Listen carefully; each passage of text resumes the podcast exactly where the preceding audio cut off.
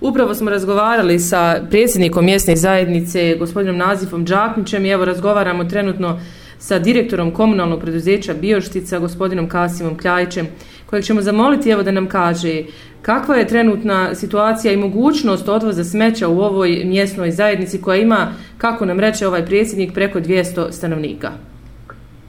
Pa u startu, kada, kada je došlo do, do uvođenja odvoza komunalnih otpada selima i mjesnim zajednicama, mjesna zajednica Milanković je u startu to odbila, nismo jednostavno znajušli na razumijevanje, narod je odbio, nije želio da se smeće vozi, tadašnji predsjednik mjesne zajednice je to također odbio.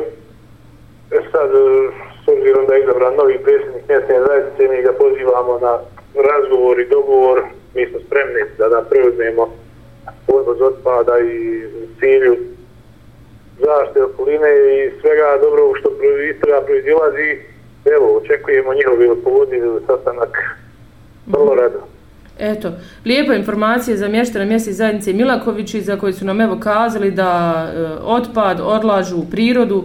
Samo neki pojedinci koji imaju automobil povezu to smeće i ostavaju kontejnere u Solunu, gdje su nam opet rekli da mještani Soluna negoduju jer kao što znaju oni ne plaćaju, jel? Pa to je, to je istina. Ona, mi smo već išli i sanirali par divljih deponija koji se nalazi na putu prema Milankovićima, konkretno u Zaraciju, međutim, i nakon same sanacije ponovo smo primijetili da su ljudi počeli odlagati otpad u šumu na ista ta mjesta. Ona, vjerujte, u samu sanaciju je uloženo preko 10.000 maraka.